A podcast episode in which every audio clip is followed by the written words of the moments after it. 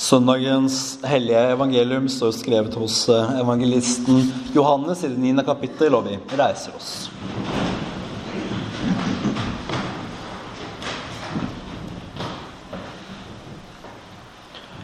Og da han gikk videre, så han en mann som var født blind. Disiplene hans spurte ham, 'Rabbi, hvem har syndet?' Han eller foreldrene hans siden han ble født blind? Jesus svarte verken han eller foreldrene hans har syndet, men det er skjedd for at Guds gjerninger skulle åpenbares på ham. Jeg må gjøre hans gjerninger som har sendt meg, så lenge det er dag. Natten kommer da ingen kan arbeide. Mens jeg er i verden, er jeg verdens lys. Da han hadde sagt dette, spyttet han på jorden, laget en deig av spyttet og smurte deigen på øynene hans. Og han sa til ham, gå og vask deg i dammen Siloa. Det betyr utsendt. Han gikk da bort og vasket seg og kom tilbake sene.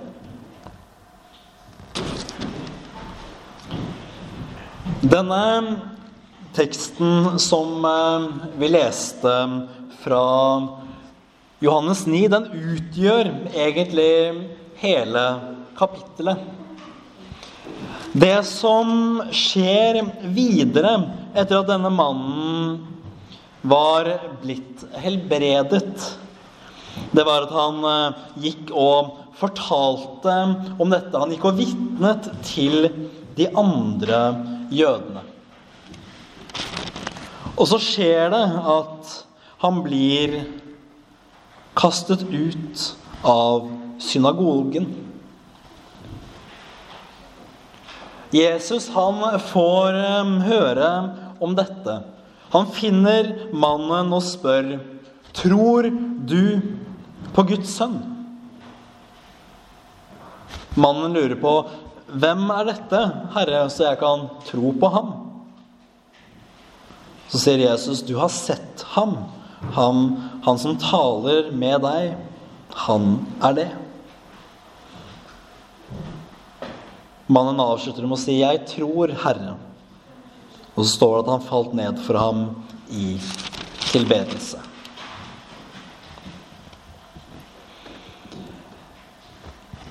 Det er interessant med underfortellingene i evangeliene.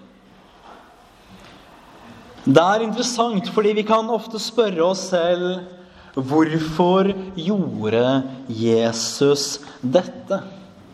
Og hva er det vi kan lære av dette? Hva er det vi kan bli fortalt av å se på hvordan Jesus møter mennesker med tegn, med under og med helbredelse? Og så kan vi ofte se, det er ikke tilfellet nå, men at Jesus ber strengt folk som har blitt helbredet, om å ikke gå og fortelle det til noen. Og det kan eh, fortelle oss at underet ofte har ulik funksjon. Helt konkret i dette tilfellet så blir en blind mann seende igjen. Det er det første og tydeligste. Og for denne For denne mannen så blir det en markant forbedring av livet. For 2000 år siden så var det så godt som ensbetydende med fattigdom å ha den form for hemning som å være blind er. Mannen var dømt til å sitte og tigge. Det var det eneste han kunne gjøre. Da Jesus helbredet han, så kunne han arbeide. Han kunne bli løftet ut av denne fattigdommen. Dette viser oss at Jesus han har absolutt omsorg for oss i vår timelige nød. Når vi er slitne, når vi er nedbrutte, når vi er syke, når vi er fattige. Da har Jesus omsorg for oss også der. Kanskje nettopp fordi han er Jesus, Gud, som menneske. Som ikke en fjern Som ikke kun er en fjern Gud i universets dyp som vi ikke klarer å finne, som vi ikke klarer å se, som vi ikke klarer å skjønne hvordan hans skapning har det. Nei, Jesus har jo gått inn i alt det var å være menneske. Han har kjent det på kroppen, hvordan det er å være syk, hvordan det er å være sliten, plaget og nedbrutt. Så han også kan ha omsorg med oss i dette.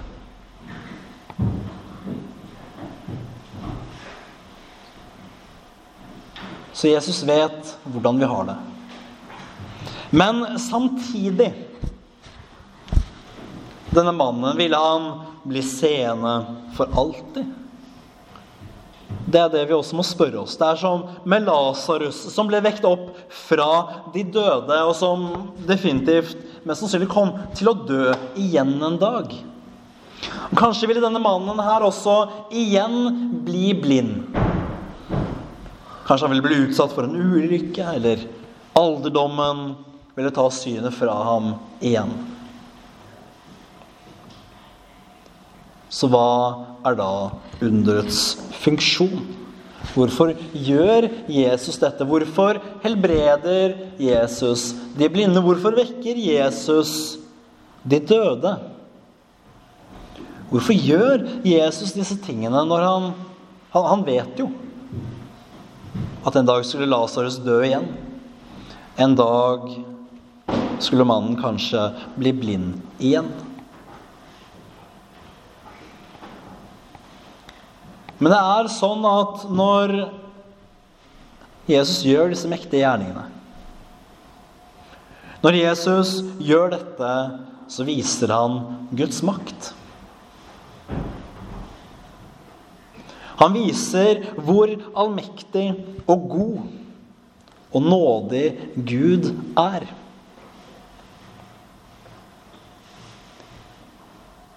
Og det er kanskje det viktigste, og vi ser det i hva som skjer med denne mannen. Dette blir så stort i livet hans at han kommer til tro, at han kommer til omvendelse. Og der vi kan bli avhjulpet i våre plager her og nå, så er det alltid annenrangs. Det er alltid sekundært, nettopp fordi der én plage tar slutt, og det høres kanskje fryktelig pessimistisk ut, men der én plage vil ta slutt, så vil kanskje en annen dukke opp like etter. Det kan vi jo tidvis erfare. Men en ting som aldri vil ta slutt, det er det evige livet som vi fordeler når vi kommer til tro på Jesus. Og det er også noe som vil gi oss den evige salighet. Som gjør at vi da kommer, i, kommer, til et sted hvor det ikke vil være plager, hvor det ikke vil være død og lidelse og sykdom og smerte. Den type ting vil ta slutt når vi går inn til saligheten i himmelen.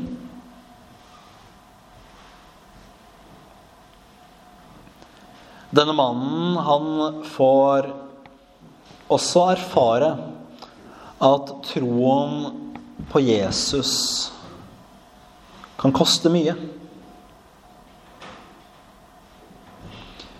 Det var en gjengs oppfatning blant folk at denne mannen, eller kanskje hans foreldre, var syndere. De spør jo hvem er det som har syndet. Er det han, eller er det foreldrene hans? En eh, tanke om at Gud skulle ha straffet han eller hans foreldre med denne blindheten. Og da han går for å vise seg for sine medjøder, da er også dette det som råder. Men er ikke dette her en synder? Har ikke han vært blind? Og de lurer på er ikke Jesus selv en synder. Og det er han jo selv følgelig ikke. Men hvordan kunne det ha seg, tenker de. Og de reagerer med fiendtlighet når de ser hvor stor Gud er. Det er jo et enormt paradoks at det går an å reagere sånn.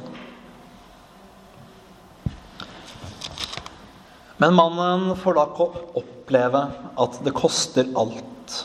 At det kan koste alt å komme til tro på Jesus og bli en kristen.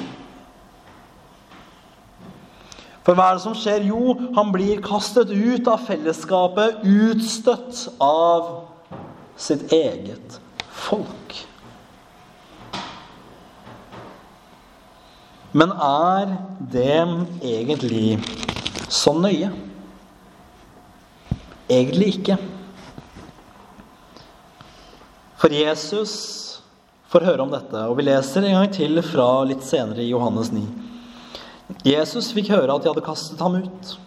Da han hadde funnet ham, sa han, 'Tror du på Guds sønn?' Mannen svarte, 'Hvem er han, Herre, så jeg kan tro på ham?' Jesus sa til ham, 'Du har sett ham, han som taler med deg. Han er det.' Han sa, 'Jeg tror, Herre.' Og han falt ned for ham i tilbedelse. I dette, i mannens ytring 'Jeg tror, Herre',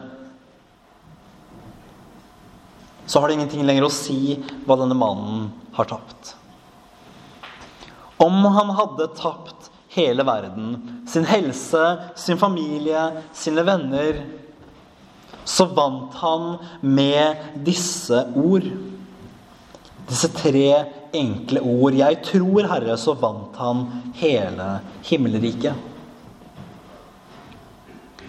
Og sånn tror jeg er det også vi må tenke når vi kjenner i den verden og i den tid vi lever i nå, at det koster mye å være kristen.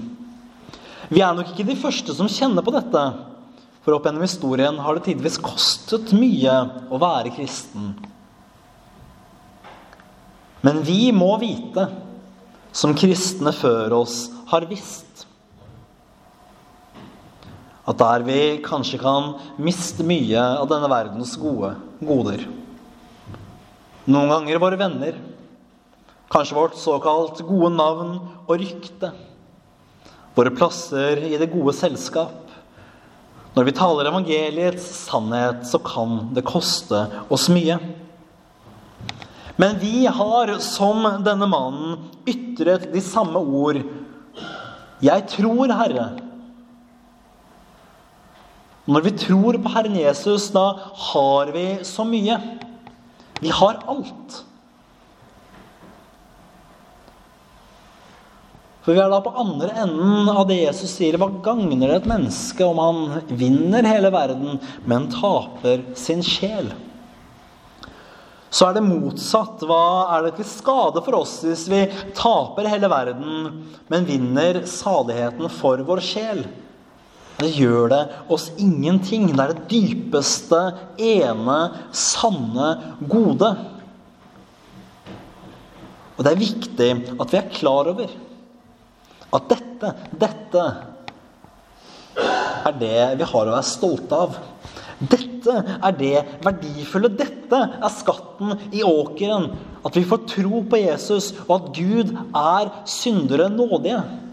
At når vi faller ned i fortvilelse på Guds føtter og skjønner ikke hva vi kan vente godt av ham, og det eneste vi klarer å ytre, er 'Gud, vær meg synder nådig', så kan vi vite at ja, Gud er syndere nådige. Dette viser han oss i Jesus Kristus. Dette er det største og viktigste. Og vi ser da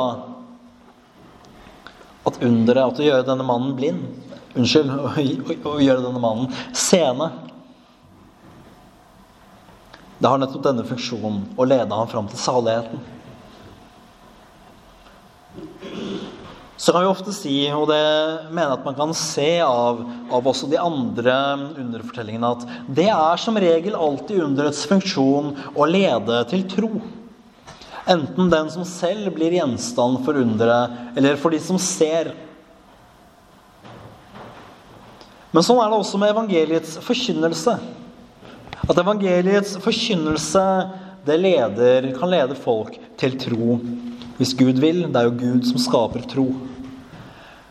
Men som det også er med undrene som vi ser av denne fortellingen, at det skaper forargelse, og at hjertene kan bli for, forherdede. Sånn kan det også være med evangeliets forkynnelse. At der dette lyder klart og rent, så skapes det tro. Men det kan også skapes forherdede hjerter. Og nettopp derfor Nettopp derfor er det viktig at vi vet dette, at vi holder fast det dette mannen har skjønt, han har forstått. Og når man ytrer disse ord 'Jeg tror, Herre', og når man tror på Herren Jesus Kristus, da kan vi regne alt det verden ser på som de kosteligste skatter, kan vi regne for skrap. Fordi vi har funnet den ene sanne skatt. Den ene skatt, den skatten i åkeren som man gjerne går og selger at man eier for å kunne kjøpe åkeren for å få del i denne skatten. Nemlig evangeliet om Jesus Kristus, Guds nåde for syndere. Ære være Faderen og Sønnen og Den hellige ånd, som var, er og blir en sann Gud fra evighet og til evighet. Amen.